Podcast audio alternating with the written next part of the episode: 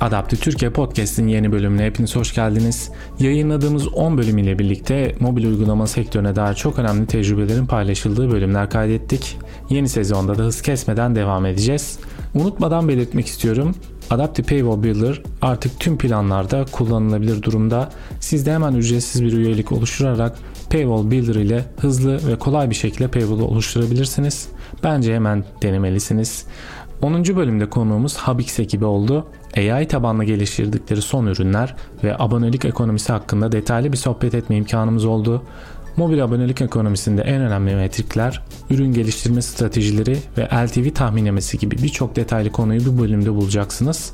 Eğer bölüm beğendiyseniz abone olmayı ve arkadaşlarınızla paylaşmayı unutmayın. Şimdiden hepinize iyi dinlemeler.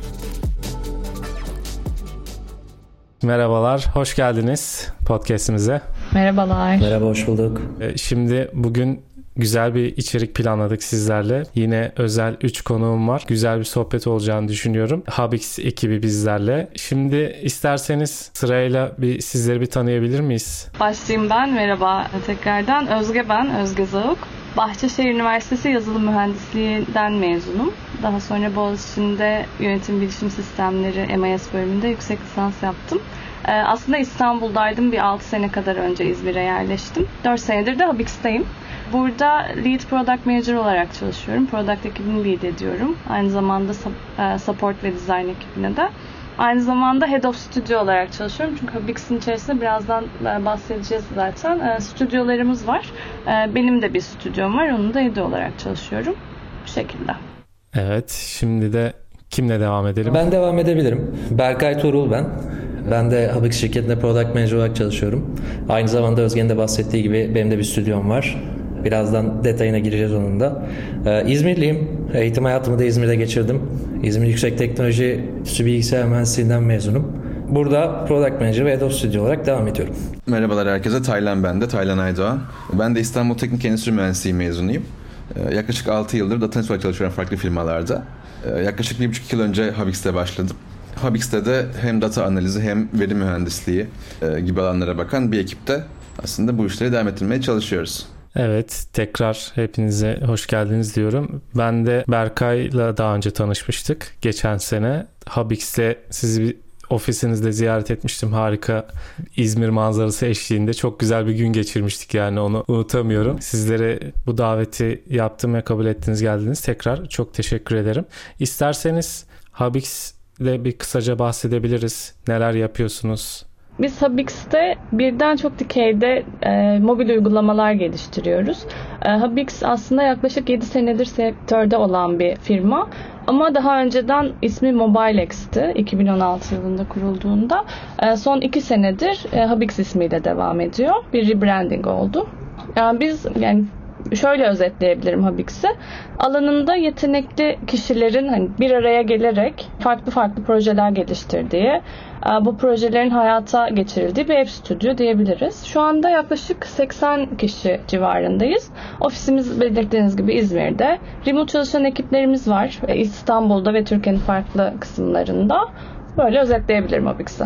Ben de İzmir'deki ofisinizi söylediğim gibi ziyaret etmiştim. O zaman Gerçi bir yıl önceydi.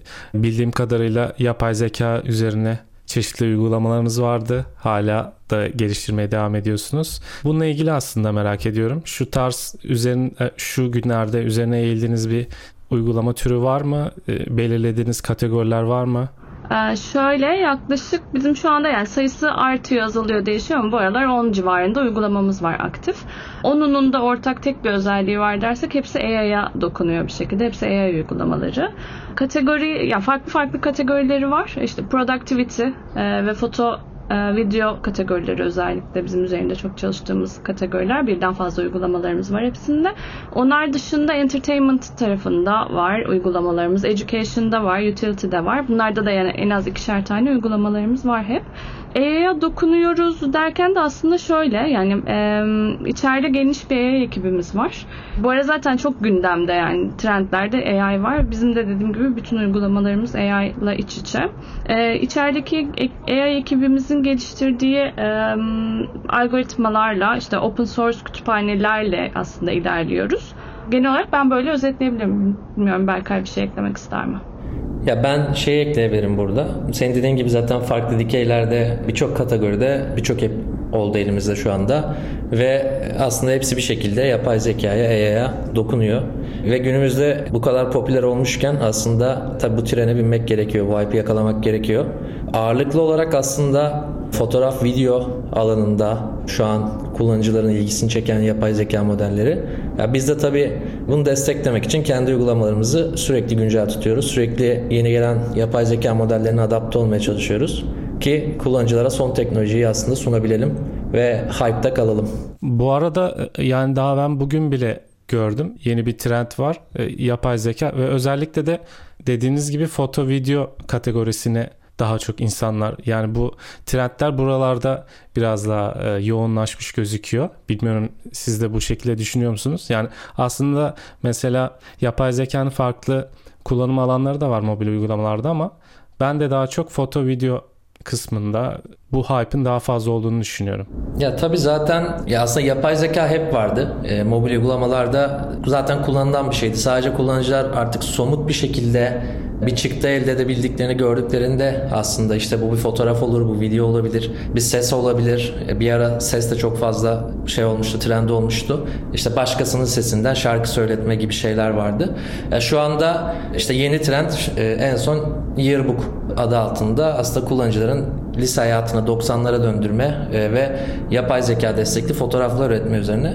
E tabi biz de bunları takip ediyoruz. E, kendi uygulamamıza entegre ediyoruz. Hatta foto yapı uygulamamızda e, bunu ilk günden hani takip ederek canlıya aldık ve kullanıcılara bunu sunmaya başladık.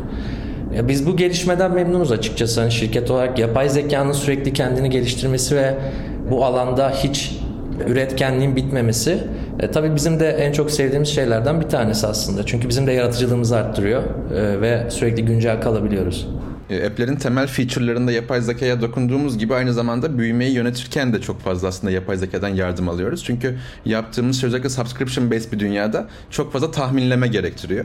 Hani kullanıcıya sunduğumuz ve vaat ettiğimiz o feature'ların içerisinde olduğu gibi aslında biz nasıl daha iyi büyürüz sorusuna cevap ararken de çok fazla yapay zeka ve tahminlemelerden iç içe, oldu, iç içe olduğumu aslında söyleyebiliyorum. Harika. Zaten onlardan da bahsetmek istiyordum birazdan. Bir de şunu söyleyecektim tam da. Ben de tam AI Yearbook kısmından bahset bahsediyordum aslında tam Berkay'ın da söylediği gibi.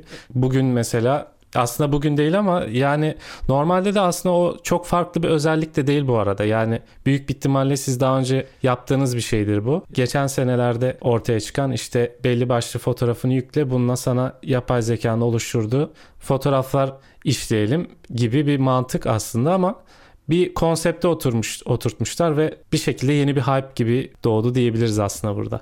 Ya evet evet. Ya kesinlikle geçen senenin sonlarına doğru zaten işte farklı farklı modellerle işte avatar üretme, kendi yapay zeka fotoğraflarını üretmeyle başlayan trend sürekli aslında e, yeni konseptlerle çeşitlendirilebiliyor. Yani her seferinde yeni bir trend yakalanıyor aslında bu sayede. Evet. Şimdi şöyle de bir sorun vardı tam da buraya aslında gelebiliriz. Ee, sürekli bir gelişme görüyoruz yapay zeka alanında ve mobil uygulamalarda da bunun entegre edildiğini görüyoruz. Sizce şunu sormak istiyorum. Yani gelecekte de bu devam edecek mi? Yani aslında ben bu soruyu daha önce hazırlamıştım ama mesela hemen bu hafta bile yeni bir trend çıktı. Yani büyük bir ihtimalle olacak ama ne düşünüyorsunuz bu konuda?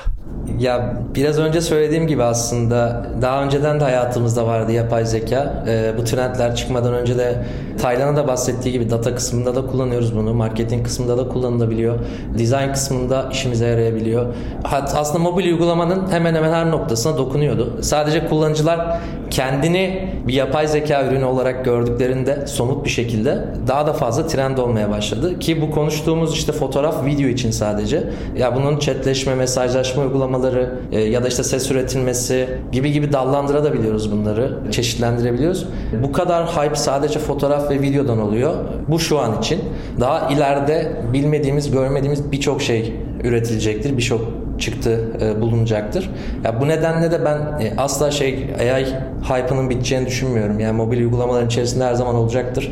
E, farklı kategorilerde olabilir, farklı stillerde olabilir ama e, hep hayatımızda olacaktır diye düşünüyorum. Bu tarz güzel ve yaratıcı fikirlerle kesinlikle insanların Tabii ki. ilgisini çekecek. Bunun sonrasında yine şunu sormak istiyorum. İki mağazada da ürünleriniz var. Play Store'da, App Store'da. Burada bir teknik altyapıdan biraz kısaca bahsedebiliriz. Geliştirme süreçlerinizde native mi yoksa cross platformları mı tercih ediyorsunuz? Ekibiniz de büyük çünkü o yüzden merak ediyorum bunu. ben çok konuşuyormuş gibi olacağım ama e, bunu da ben cevaplayayım son kez. E, zaten yani Özge veya Taylan fikriniz varsa siz de şey yaparsınız. Söylediğiniz gibi aslında App Store ve Play Store tarafında Android iOS e, iki platform ilerliyoruz ve paralel iki platformda her uygulamamızın karşılığı var. E, geliştirme aşamasında tabii ki bizi zorlayan kısımlar oluyor. Çünkü bambaşka iki tane ekosistem aslında. Kendilerine özel spesifik e, native galerileri olabiliyor. Native'izin pop-up'ları olabiliyor. Ya da tasarımsal farklılıklar çıkabiliyor. Bin bir tane cihaz olduğu için Android tarafında özellikle baya farklılık gösterebiliyor. Ve hepsini karşılamaya çalışıyoruz. Geliştirme aşamasında ise şey olarak ayırmıyoruz. Yani cross platform app'lerimiz de var. Native iOS ve native Android yazdığımız app'lerimiz de var. Ee, ikisinin de aslında birbirine kendine has artıları var, pozitif yanları var. O yüzden de hadi birini bırakıp sadece cross platform ilerleyelim veya e, native iOS, native Android ilerleyelim diyemiyoruz. Cross platform ilerlemek tabii ki de her zaman için hız katıyor. Ama native ilerlersek daha garanti ilerliyoruz. Ya yani o nedenle hani bu pozitif katkılarından dolayı ikisinden birini asla seçemiyoruz ve hani, e, büyük ihtimalle böyle de devam edecek, edecek gibi duruyoruz. Zaten altyapımız iki tarafı da destekliyor. Yani iki yöntemi de destekliyor. Esnek bir yapıya sahibiz. Yani küçük küçük tabii ki cross platform yazarken native kısmına da dokunduğumuz, değiştirdiğimiz yerler oluyor illaki. Ama bunu da dediğim gibi store baz, bazında, store üzerinde e, yapılan değişiklikler olduğu için yapmak zorunda kalıyoruz aslında. Onun dışında da native uygulamalarda tabii ki aslında iki koldan ilerliyoruz. iOS için ayrı, Android için ayrı geliştirme sürecimiz oluyor. Ama yine de dediğim gibi biz cross platform hem de native tarafta devam ederiz gibi duruyor. Burada ben şimdi iki tane product manager bulmuşken yine merak ettiklerimi soracağım. Yine iki mağazada olmanın e, bahsettiğin gibi çok büyük zorlukları da var. Mesela hem ürün odaklı hem de işte subscription ya da gelir odaklı da bu soruyu cevaplayabilirsiniz. İki mağaza içinde ne tür zorluklar var? Yani iki farklı ekosistem sonuçta. Burada ürün geliştirme özelindeki stratejileriniz neler? App Store'a daha fazla ağırlık veriyoruz ya da Play Store ikisini de ayırmıyoruz gibi bunu merak ediyorum. Burada biraz şey de etki edebiliyor. Ürünün e, tarzı, hitap ettiği kitle. Bu tabii yine purchase odaklı bir cevap da olabilir bu söylediğim. Ya da aslında farklı stratejiler. Yani çok fazla ürün olduğu için içeride e, sadece Android çıktığımız bizim şu anda bir uygulamamız yok. E, ya ikisi birden ya da sadece iOS çıkıyoruz. Daha önceden sadece iOS gidiyorduk ilk başta. O tarafta denedikten sonra başlıyorduk ama şu anda iki tarafta birden çıkıyoruz çok böyle spesifik bir sebebi olmadığı sürece. O yüzden he, şunu da söyleyebilirim bu arada. İki tarafında bazı avantajları ve dezavantajları var. iOS tarafında mesela kullanıcı geldiğinde purchase yapma ihtimali ve o purchase'dan e, elde edinilen gelir ihtimali daha yüksekken Android tarafında kullanıcı sayısı çok fazla olduğu için yani dünyada Android telefon kullanan insan sayısı çok daha fazla olduğu için o, o pazara girmenin de öyle bir avantajı var. Install sayımız çok fazla oluyor Android pazarına girdiğimizde. Revenue'lar iOS'teki gibi yani RPD, Revenue Per Download dediğim Android'de daha düşük oluyor doğası gereği. Ama bizim için iki tarafın deneyimleri farklı ve iki tarafın deneyimlerinden de aslında birlikte beslenerek ürünü geliştiriyoruz diyebilirim. Bu söylediğim bütün ürünlerimiz için geçerli. Burada bir de şimdi yani siz büyük bir şirketi olduğunuz için e, yaptığınız ürünler de çok fazla insana ulaşıyor. Belki brand name'inden işte Android tarafında da olmanın faydalı olacağını düşünüyorum yani büyük şirketler için. Dediğiniz gibi mesela önceden ya işte App Store tarafında olalım Android'de olmasa da olur gibi ama e, sonuçta orada da büyük bir kullanıcı kitlesi var ve kendi brandinizi orada arayan insanlar da olabilir ve bunu başka rakiplere de kaptırma riski de var bu şekilde. Aynen. Evet şu andaki bakış açımız genelde şey dediğim gibi iki tarafa e, birden ürün çıkalım. O yüzden herhangi çok daha küçük bir şirketken bahsediyorum. Bu arada o en başta dediğim ilk başta iOS çıkıyorduk. O zaman işte developer sayısı çok daha kısıtlıydı. Ekip bazı bir karardı bu aslında falan ama şu anda e, artık firmamızın da getirdiği şeyle birlikte iki tarafa birden eşit öncelik veriyoruz. Eşit değer veriyoruz.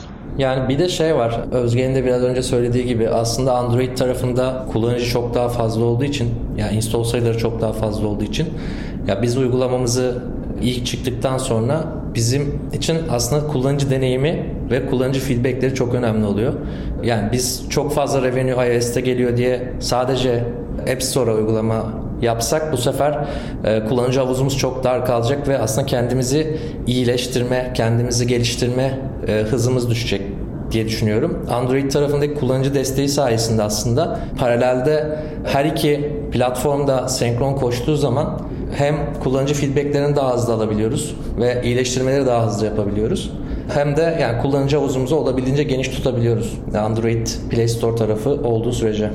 Bu arada yani siz daha iyi fark ediyorsunuzdur. İki store da artık yani Android tarafı da Apple deneyimine benzemeye başladı. Eskisi gibi değil. E, cihazlar da çok daha iyi olmaya başladı. Bunun yanında insanlar aboneliğe de aslında biz hep Play Store tarafını bazen görmüyor gibiyiz. Ama abonelik de aslında yapmaya başladılar. Gelirlerde artış var Play Store tarafında. Mesela bu benzerliklerden birisi yine onu da sormak istiyordum. Mağazaların getirdiği yenilikler hakkında takip ediyor musunuz? Diyelim ki Apple yine Events diye bir şey getirdi. Aynı şey e, Play Store tarafına da geldi. Live Activities'di galiba şu an tam adını hatırlamıyorum. Ya benzer çok benzemeye başladı artık iki mağazanın da deneyimi. E siz bunları takip ediyor musunuz? Çünkü şu yüzden soruyorum. E, Apple özellikle yeni özellikleri uygulamalara biraz daha öncelik veriyor gibi diye düşünüyorum ben. Ya kesinlikle katılıyorum. Ya öncelikle şeyi söyleyeyim. Android ve iOS arasındaki makas gerçekten aslında kapanıyor. Ya sürekli zaten yayınlanan grafiklerde, istatistiklerde de görünüyor. Android kullanıcısı daha kaliteli cihazlara geçiyor performans anlamında ve gerçekten oradaki kitle biraz daha subscription yapmaya veya satın alma yapmaya e, daha meyilli kullanıcılar oluyor. Bu biraz daha şey artık hani Apple kullanıcısı para harcar kalıbı biraz eskide kaldı diyebiliriz dediğiniz gibi. Ya mağazalardaki yenilikler konusunda da gerçekten Play Console'da Google tarafında Apple'dan çok fa- çok fazla eksik kalmadı gibi görünüyor. In-app events kısmı e, sanırım Android tarafında yine farklı bir isimle gelmişti söylediğiniz gibi. Ama hani iki tarafta da benzer e, şeyle kullan amaçla kullanılıyor. E, biz de tabii ki ya her iki store'da da yükselmek istediğimiz için aslında her iki store'un da sürekli getirdiği yenilikleri takip etmeye çalışıyoruz. Bahsettiğiniz gibi Apple özellikle bunları kullanan e, uygulamalara ayrıcalıklar tanıyabiliyor. Daha kolay e, featured olma ihtimalini arttırıyorsun veya işte editörün seçimi var Apple tarafında. E, seni daha üst sıralara çıkartabiliyor. Ki e, zaten şey değil yani getirilen özellikler de gerçekten hem ya, uygulamanın vitrini için e, hem de kullanıcıların kullanıcıya daha iyi hizmet sunabilmek için bence iyi özellikler. Bizde paralelde işte in-app events'ler olsun, custom product page'ler olsun, yeni çıktığımız major update'lerde veya feature bazlı app özelinde yapmak istediğimiz custom product page'lerde ya bu özellikleri tabii ki de kullanıyoruz. Android tarafında daha yeni yeni oturmaya başlıyor bu süreçler. Daha sonrasında geldiği için Apple'dan ama e, tabii ki orada da bunları değerlendirip ya app'imizin vitrinini güzel tutmaya çalışıyoruz aslında Store tarafında. Ekstradan mesela Apple tarafında iOS 17 ile birlikte gelen baya hani iOS 17 özel widget şeyler, widgetlar e, veya iOS 17 özel featured app'ler çıkmaya başladı. E, bunları da yakından takip ediyoruz. Çünkü uygulayabileceğimiz app'ler var. E, elimizdeki dikey çok geniş olduğu için farklı dikeylerde uygulamalar olduğu için uygun illaki kendimize uygun şeyi buluyoruz orada ve uygulamaya çalışıyoruz aslında. Bu arada başta söylemiştiniz stüdyolar var diye. Bunu ben merak ediyorum hani stüdyo mantığını nasıl kurduğunuzu. Bu aslında biraz şey oldu. MobileX'in Habix'e geçerken o rebranding kısmında oldu. İşte daha büyük bir e, firma çatısındansa daha küçük e, birkaç stüdyodan oluşan bir firma haline dönelim e, gibi bir karardı. Şu anda içeride dört tane stüdyomuz var. Berkay'ın var, benim var. İstanbul'da uzaktan çalışan Kerem diye bir arkadaşım var. Onun ve içeride Kaan'ın var. Totalde dört stüdyoyuz.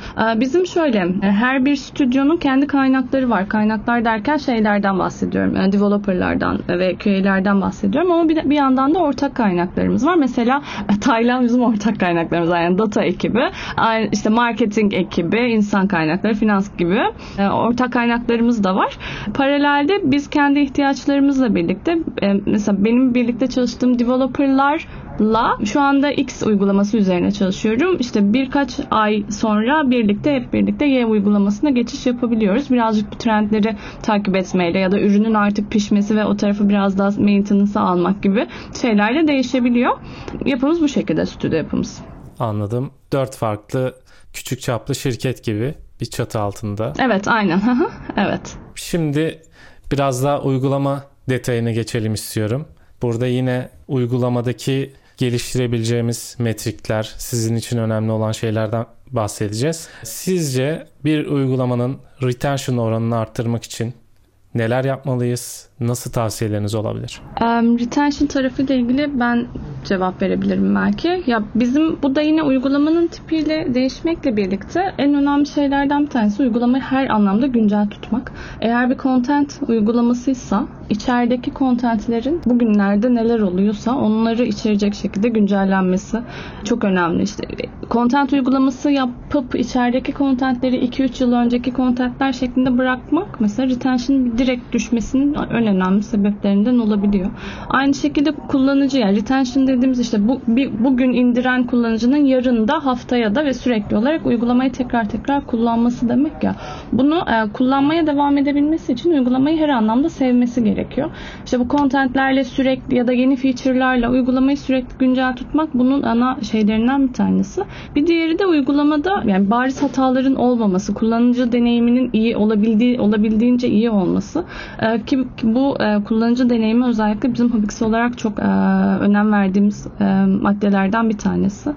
E, bunun dışında kullanıcılar işte e, kullanıcıları doğru segmente edebilmek ve doğru segmente edilmiş kullanıcılara uygun indirimler ya da ödüller, promosyonlar sunabilmek yine önemli maddelerden. Kullanıcıyı yalnız hissettirmemek geliyor aklıma. Bu da şu aslında yani bu e, güçlü bir support ekibi olarak düşünülebilir. E, içeride güncel e, tutulan az önce yine aynı şeye geliyorum. Yine güncel contentler olabilir. Sürekli olarak e, sürekli ama kullanıcıyı e, yıldırmayacak şekilde e, bilgilendirici ya da eğlenceli, ilgi çekici push notification'lar göndermek olabilir. Community'ler oluşturmak olabilir. Discord kanalları olabilir. Güncel tutulan sosyal medya kanalları olabilir ama kullanıcıyı böyle daha çok böyle bir, bir yere yalnız hissetmesini engellemek açısından. Ee, bir de e, bu işte retention yine her uygulama için bu söylediğim belki uygun olmayabilir ama çoğuna bir şekilde evriltebiliyoruz. Yani gamification aslında eklenebilir. Yani kullanıcıya bazı hedefler verilebilir. İşte şu kadar kez app'e girdiğinde şöyle bir ödül kazanması, şöyle bir indirim kazanması ya da işte içeride ürettiği bir content'i share ettiğinde bir e, bir şey kazanması falan gibi ödüllendirmeler olabilir. Retention dediğimde arttırmak dediğimde benim aklıma bunlar geliyor. Böyle özetleyebilirim. Ya ben çok kısa şeyi ekleyebilirim. Pardon araya girdim.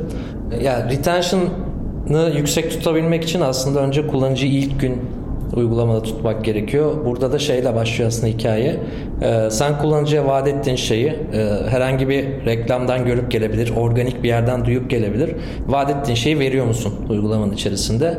Ya öncelikli olarak zaten vaat ettiğin şeyi kullanıcıya sağlayabiliyor olman gerekiyor. Sonrasında Özge'nin de bahsettiği gibi içeriği ne kadar interaktif, içeriği ne kadar canlı tutarsan bahsettiğimiz bu e, trendleri ne kadar hızlı takip edip ne kadar hızlı entegre olabilirsen ya kullanıcı da senin uygulamana daha çok alışacak, e, daha fazla kullanmaya gelecek. Yani ve retention'ını da sürekli yüksek tutuyor olacaksın aslında. Yani özetle kullanıcıyı değerli hissettirmek e, bence en büyük etkenlerden bir tanesi retention için. Bugünlerde ben daha önceki bir bölümümüzde de e, şöyle bir şey duymuştum. Uygulama içerisine bir canlı destek tabii ki e, saatle sınırlı ve support özelliği eklendikten sonra işte yeni feedbackler alma, rating review'larda bir olumlu anlamda yükseliş görme gibi. Dediğiniz gibi şöyle de bir şey var ya mobil uygulamalarda. Kullanıcı bir şekilde giriyor. Yani karşısında bir muhatap da bir şekilde yok ve burada artık yeni trendlerde kişiselleştirme, yine sizin dediğiniz gibi kullanıcıya özel bir deneyim yaratma. Bunlar artık çok büyük etken çünkü retention olmadığı zaman da yani ne yaparsanız yapın hem gelir anlamında hem işte indirme anlamında, mağaza anlamında hiçbir şey yaramıyor diğer yaptıklarınız. Biz bunu şu şekilde birebir de deneyimledik. Support ekibimizin işte geciktiği yanıt yazmakta. Yani ticketlardan, review'lardan, mail'lardan bahsediyorum. Biraz daha az özen gösterdiğimiz bir dönem olmuştu. O dönem mesela düşüyor puan ve gün bazında bunu görebiliyoruz. Daha sonra hemen işte o tarafı biraz büyütüp destekliyoruz. Daha e, özen gösteriyoruz Zim Support'a. Ve sonrasında puanların hemen topladığını falan görebilmiştik. Böyle bizim de yaşadığımız deneyimler oldu birkaç defa. Ee, özellikle app'in içerisine canlı bir support eklemek kesinlikle bu anlamda e, rate review'u ki bu da organik büyümede en önemli şeylerden bir, bir tanesi. Yani kullanıcı store'da app'i açtığında ilk baktığı şeylerden bir tanesi zaten puanı hani 3.5 puanı olup 100 bin kişinin değerlendirdiği bir uygulamayı indirme ihtimali daha düşük. Atıyorum 4.7 puanlık bir yine çok fazla kişi tarafından uygulanmış puanlanmış bir uygulamadan. O yüzden biz özellikle rate'lerimizin, review'larımızın çok düşmesine e, hiç izin vermiyoruz. Eğer bir şekilde crash oranlarımızda ya da bug'larımızda bir e, çok raporlanması bir sorun varsa feature geliştirmenin direkt önüne alıyoruz. Bizim için o anlamda çok önemli yani bu taraftaki şeyler, kullanıcı feedbackleri.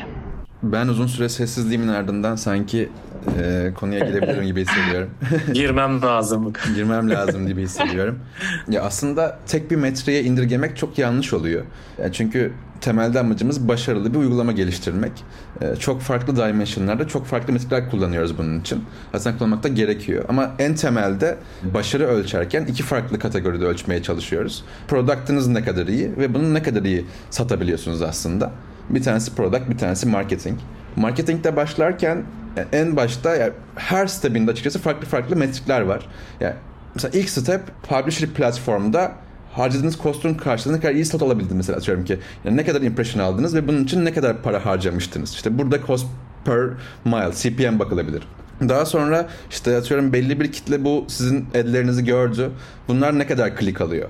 İşte burada da CTR'la yani click through rate'le e, aslında kreatifinizin ne kadar ilgi çekici olduğunu anlayabiliyorsunuz. Store'a geldikten sonra ne kadarı download'a gitti. İşte burada şeyler etkili daha çok.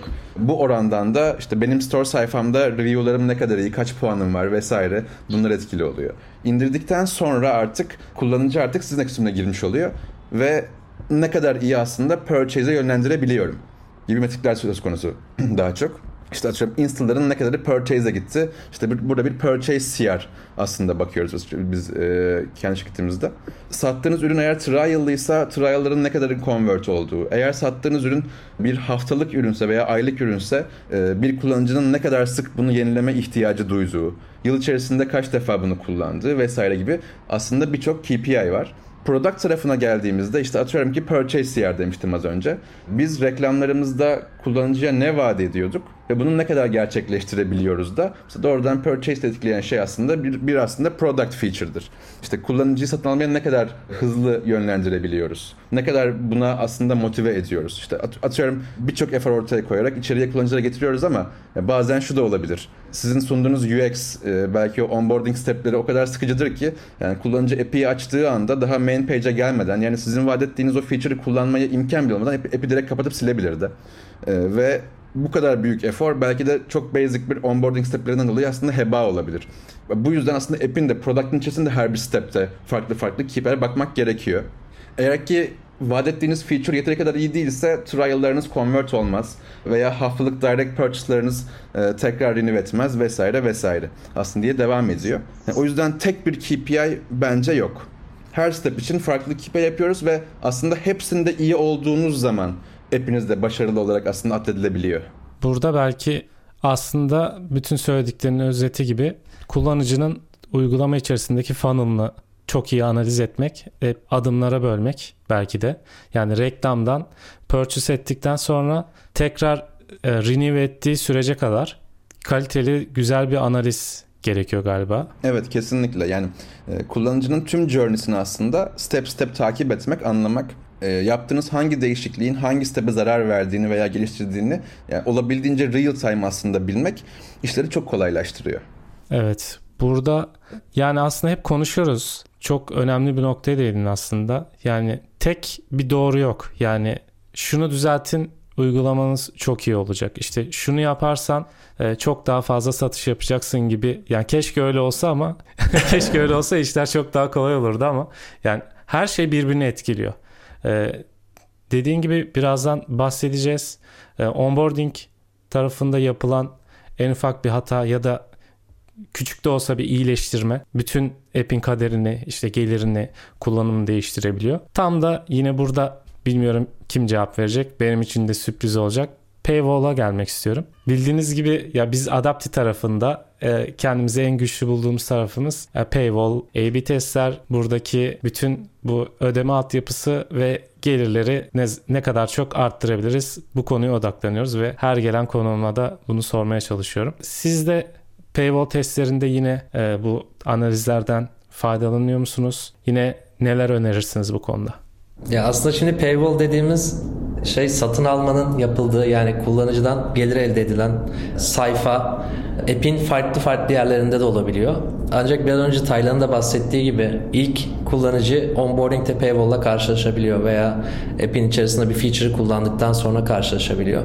Burada en önemli kriter tabii ki de yaptığın bir iş için bir subscription sunuyorsun kullanıcıya ve bunu orada gösteriyorsun. Aslında kullanıcıyı e, aslında hani bunu güzel anlatabilmek gerekiyor. İyi bir şekilde sen neden bu e, subscription modelini satıyorsun veya neden haftalık satıyorsun ürünün, neden yıllık subscription değil veya neden 6 aylık subscription satıyorsun.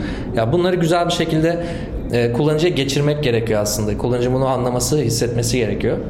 Ya bunun içinde aslında yine tek bir doğru yok ya. Tek bir tane harika bir paywall buldum. Bunu bütün app'lerimize koyalım diye maalesef bir şey yok. Ya keşke öyle olsa ve kopyala yapıştır ilerleyebilsek.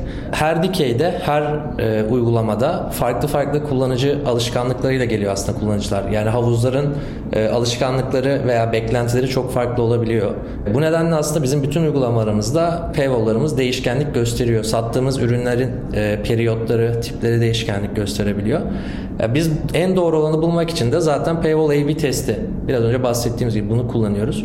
Ya burada da en kritik şey aslında şu. İlk e, temelde bir konsept paywall'unu bulduktan sonra kendin A-B testler yaparak daha da iyisini bulmak. Ya bence zaten e, A-B testlerin paywall'lar için bir sonu yok. E, her zaman daha iyisini bulabilirsin.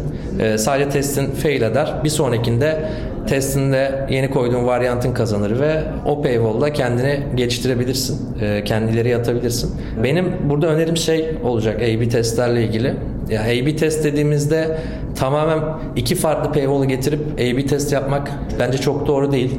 Ya değişken sayısını arttırdıkça neyin gerçekten uplift yakaladığını, neyin daha iyi getirisi olduğunu ya anlamak zorlaşıyor. Ya bu yüzden aslında A/B test uygulamanın doğuşundan ya bitene kadar, ölümüne kadar devam etmesi gereken bir süreç e, ve sürekli yeni varyantlar, yeni alternatifler deneyerek e, A/B testler yaparak hani kendin uplift'ini arttırmak.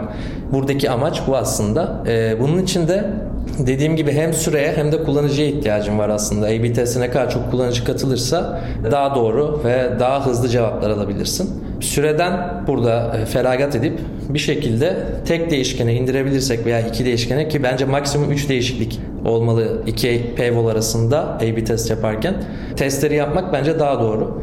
Çünkü yani konsept A-B testi yaptığın zaman bir paywall'da gerçekten şeyi anlayamayabiliyorsun. Belki de gerçekten çok iyi çalışacak bir ürünün var veya bir tekstin var orada, bir butonun var.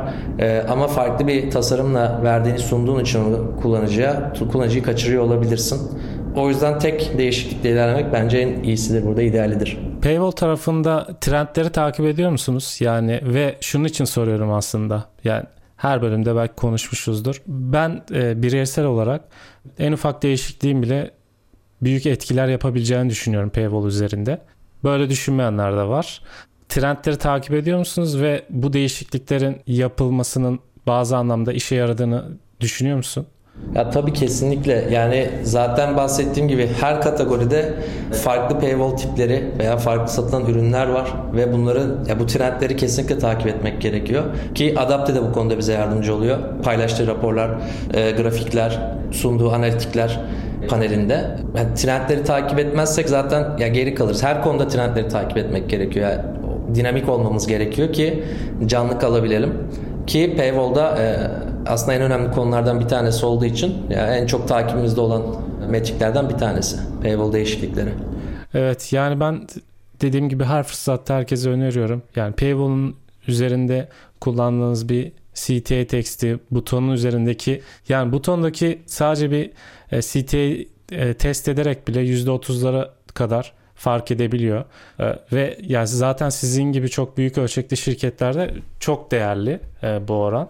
O yüzden yine tekrar olacak ama herkese tavsiye ediyorum diyebilirim. Sizden de bu tavsiyeleri duyduktan sonra. Yine çok paywall'la çok alakalı olduğunu ve özellikle üründe de çok önemli olduğunu düşündüm. Onboarding optimizasyonunu merak ediyorum. Burada yaptığınız bazı testler var mı? Stratejileriniz neler? Burada belki ben cevap verebilirim. Ya biz onboarding optimizasyonu yapıyoruz. Onboarding'in çok çok çok çok önemli olduğunu düşünüyoruz. Çünkü aslında ilk uygulamayı ilk kez gören kullanıcının karşılaştığı bir şey onboarding. Uygulamayı tanıttığımız bir şey ve uygulamayı tanıtırken de işte kullanıcının hangi edi, hangi reklamı gördü, geldi, store'da ne gördü, geldi bunların hepsi de çok önemli.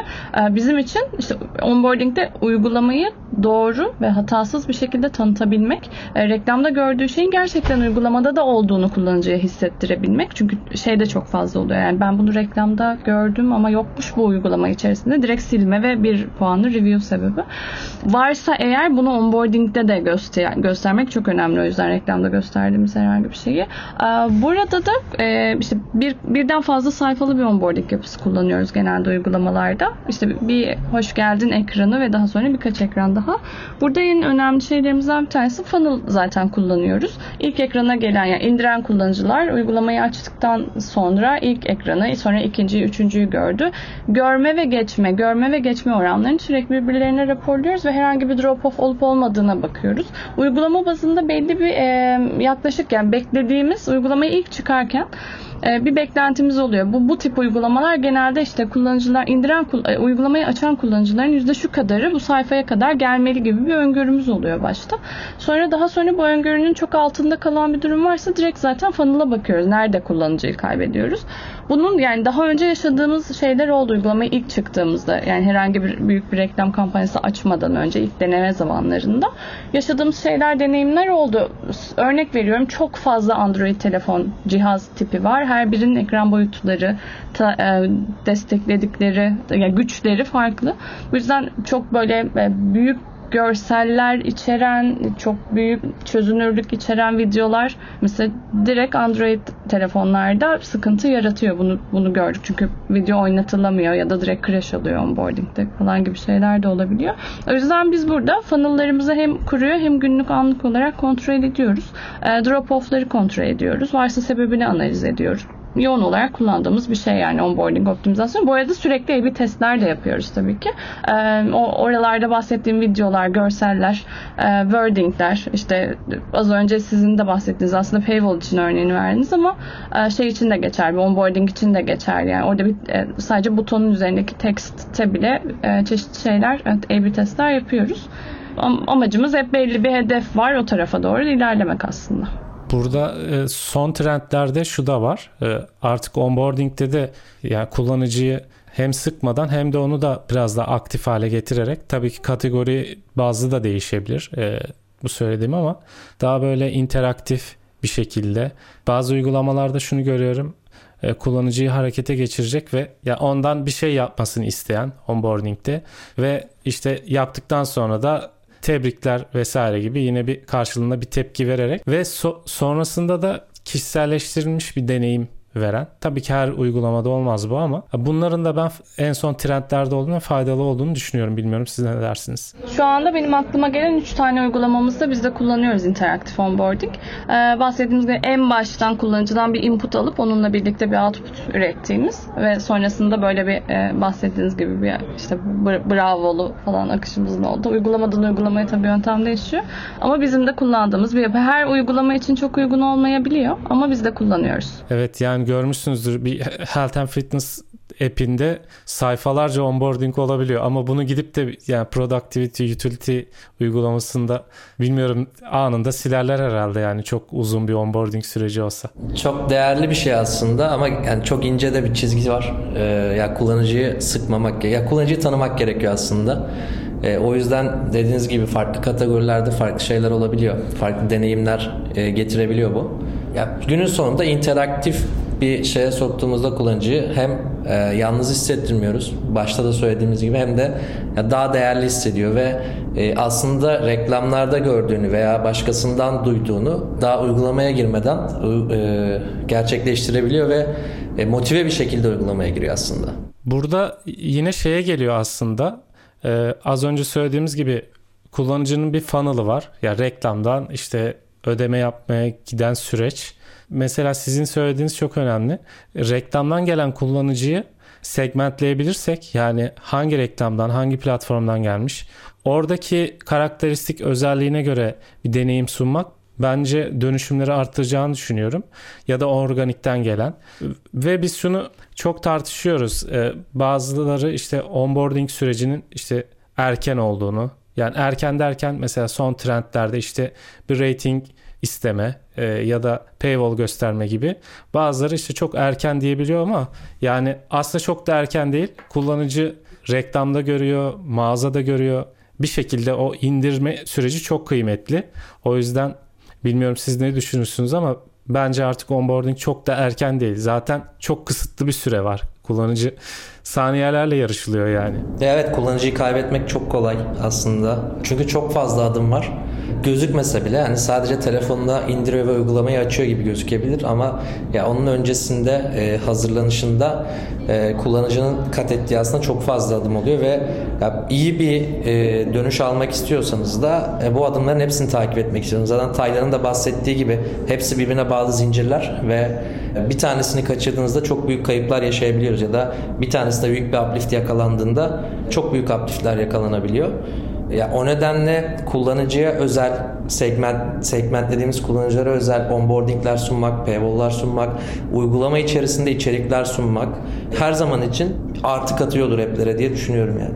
Ben şunu eklemek istiyorum. Yani bu onboarding adımında kullanıcıyı kaçırmamanın yolları sanki biraz şeye benziyor.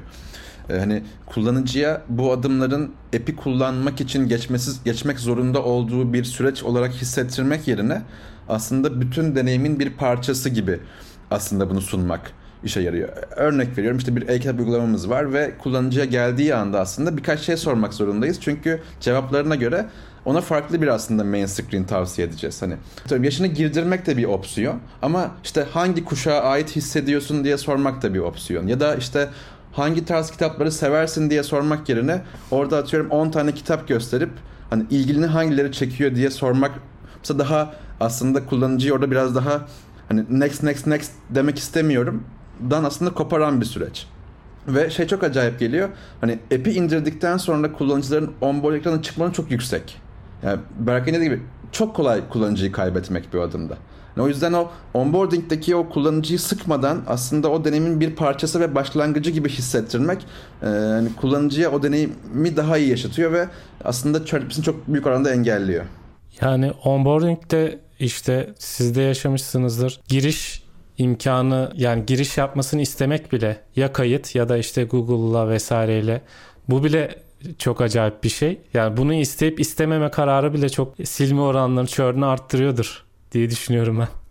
Ya işte bu yüzden aslında A-B testler ve optimizasyonlar var. Yani bunları yaşamamak için yani bunları uyguluyoruz yani aslında. Bunları uygulamak zorundayız. Evet. Burada yine çok önemli bulduğumuz yani konuştuğumuz hepsi önemli gerçi ama uygulamanın kaderi açısından LTV hesabından bahsetmek istiyorum. LTV hesapladığınızı düşünüyorum eminim yani. Burada uygulamanın geleceğiyle ilgili önemli kararlar verilmesini sağlayan bir şey. Ölçüyor musunuz? Bu konuda neler yapıyorsunuz? Kesinlikle ölçmek zorundayız. Bu yüzden tabii ki ölçüyoruz. Ee, az önce bahsetmiştim. Yani çok fazla metrik, çok fazla KPI var. Ama sanıyorum ki en önemlisi LTV e, ile ilişkilenen metrikler galiba. Çok temel bahsedeyim nasıl yaptığımız konusunda. Aslında kullanıcıları yapabildiğimiz kadar kırılımda segment etmeye çalışıyoruz. Ve her bir segmentte de gelen bir average kullanıcının aslında belli bir periyotta, belli bir time range içerisinde ne kadar aslında harcama yapacağını tahmin etmeye çalışıyoruz. Bunun için hakkında bir aslında modelimiz var. Ve bu modeli çok sık güncelliyoruz. Bazen günlük, bazen haftalık. E, çünkü sürekli o trend değişebiliyor, app'in içerisinde bir feature değişebiliyor. O segmentin özelliği de değişebiliyor. Hani bu yüzden aslında olabilen en küçük kırılımda bir segmentasyon bulup Bu segmentasyona bir aslında değer atamak işi temelde LTV. Ve tabii ki günün sonunda bir kullanıcının lifetime'ı boyunca aslında ne kadar harcama yapacağını tahmin etme işi. Çünkü marketing yaparken temelde yaptığımız şey şu. Bir kampanyayı insanlara göstermek için bir para harcıyorsunuz. Bunun karşılığında install'lar geliyor ve gelen kitleniz de sizin aslında içeride bir takım purchase'lar yapıyor. Yani bu attığımız taş ürküttüğümüz kuş dengesindeki temel yapı taşımız aslında bizim LTV'si bir kullanıcının.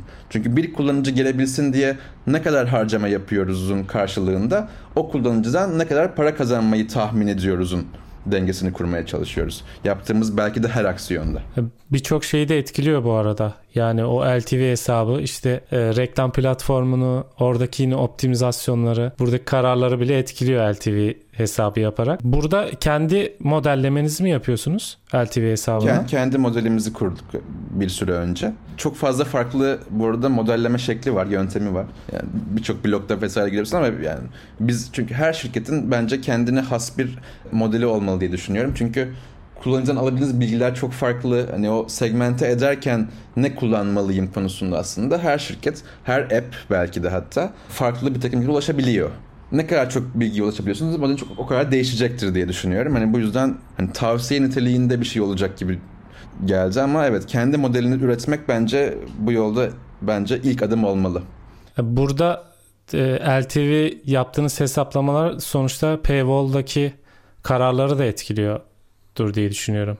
Kesinlikle çünkü temelde LTV belki en kaba tabirle aslında bir kullanıcıya e, biçtiğiniz değer ve birçok A-B testte bu onboarding olabilir, paywall olabilir vesaire aslında hepsinde yani o kullanıcının değeriyle alakalı olduğu için de herhangi bir feature değişikliği bu değeri etkileyebiliyor. O yüzden aslında bu model birçok şeye entegre olmalı. Birçok konuda. Yani kullanıcının geldiği e, medya platformunun ne olduğu, işte e, hangi ürünü aldığı, paywall'unuzdaki hangi ürün üzerinden devam ettiği vesaire vesaire. Burada yine bir ürün odaklı bir soru soracağım. Reklam kullanımını öneriyor musunuz? Özellikle iOS'te yani hep konuşuyoruz ya kullanıcı deneyimi, churn, kullanıcı terk edebiliyor, uygulamayı silebiliyor. Kullanıyor musunuz? Tam bilmiyorum. Öneriyor musunuz ya da ne düşünüyorsunuz bu konuda? Ya bazı app'lerimizde aslında evet. Yani freemium user'larında varlığını bildiğimiz için ve çok yani, hmm, biraz şeyle alakalı aslında bakarsanız yani ne app'i ürettiniz ve kullanıcıya ne vaat ediyorsunuz? Yani sattığınız ürün tam olarak ne? Atıyorum işte iOS tarafında kullanıcılar reklam izlemeye çok da gönüllü değiller. E, reklam izlettiğiniz bir app iOS tarafında e, kullanıcının daha kolay churn'e sebep olabiliyor. Ama Android'de bu biraz daha farklı. Çünkü hani orada reklam izlemesine rağmen hani kullanıcı ben bu app'i kullanmaya devam ederim diyebiliyor. İşte yani bir educational app'se atıyorum ki burada reklam izlemek biraz daha tahmin edilemeyen bir şey olabilir ama daha çok böyle fan app'lerde bu çok daha aslında yaygın. Yani burada ne kadar aslında ad revenue'dan gelir almayı hedefinize göre değişebiliyor bu.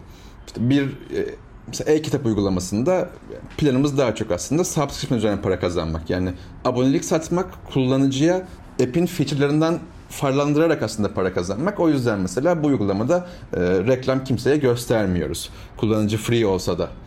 Ama işte farklı app'lerimiz var. Daha çok böyle e, retention'ın çok daha kısa sürdüğünü tahmin ettiğimiz webin app'lerimiz var. Hani burada biraz daha aslında ad revenue'dan gelecek revenue'ya da aslında biraz daha hani ihtiyaç duyuyoruz demeyeyim ama hani biraz daha göz dikiyoruz. O zaman e, hani kullanıcı churn etmeyeceğine inandığımız noktada bunu aslında kullanabiliyoruz daha çok.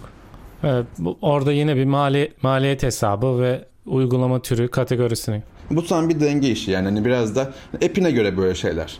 Hani kullanıcı churn etmeyecekse ve buradan işte atıyorum ben zarar etmeyeceksem hani free kullanıcılardan işte server maliyetleri vesaireden zarar etmeyeceksem atıyorum bunu hiç kullan e, reklam göstermeyelim diyebiliyorum. Maliyet dengesine göre değişebilen bir durum o zaman. Bu arada yani bir saattir sohbet ediyoruz. Çok ben çok keyif aldım e, bu bir saate gelene kadar. Ben sormadığım bir şey var mı diye düşünüyorum. Eğer eklemek istediğiniz bir şey varsa ya da ya ben hiç konuşamadım diyorsanız. ben, bence ben çok konuştum. ben de bayağı konuştuk hepimiz. Tayland'a sonradan aldı payını evet. evet. Bence e, çok güzel bir sohbet olduğunu düşünüyorum. Umarım e, bizi dinleyenler de aynı şekilde düşünüyordur. Taylan'a çok fazla söz veremedik gibi ama aslında tam kilit noktalarda verdiği bilgiler çok önemliydi. Gelecek planlarından bahsedebiliriz. Bu şekilde kapatabiliriz. Şirket olarak ya da bireysel olarak gelecek planlarınız nelerdir? Ne demek istersiniz? Ben biraz şirket adına e, cevap vereyim buna. E, en başından beri söylediğimiz en çok önem verdiğimiz şeyler birincisi data odaklı bir şirketiz ve data bütün kararlarımızda data e, üzerine data kullanarak veriyoruz. Ama aynı zamanda diğer önem verdiğimiz şeylerden bir tanesi de kullanıcı dostu e, olmak, kullanıcılara iyi deneyim yaşatmak. Burada hedeflerimiz arasında hedeflerimizden biri de aslında dünyanın en kullanıcı dostu ve ürün odaklı mobil uygulama stüdyolarından biri olmak bizim ana hedeflerimizden bir tanesi önümüzdeki yıllar içerisinde. E, bunu da doğru planlamalar yapmakla, e, bu e, planlamalar doğrultusunda istikrarlı adımlar atmakta, yeni teknolojileri düzenli olarak kullanmakta, e, yeni trendleri takip etmekte hem teknik anlamda hem de sosyal açıdan kendimizi geliştirmekle aslında bunun mümkün olabileceğini düşünüyoruz. Önümüzdeki 5 yıl içerisinde bir kampüs hedefimiz var. Kampüs sisteminde bir headquarters inşa etme hedefimiz var. Bunun dışında Türkiye'nin en büyük ve en çok indirme sayısına sahip mobil uygulama şirketi olmayı hedefliyoruz. Bu az önce bahsettiğimiz otonom stüdyo yapısıyla farklı dikeylerde büyümeyi hedefliyoruz ve totalde zaman içerisinde 250 kişilik bir ekibe ulaşmayı planlıyoruz. Harika hedefler. Güzel ben, bir özet oldu. kesinlikle.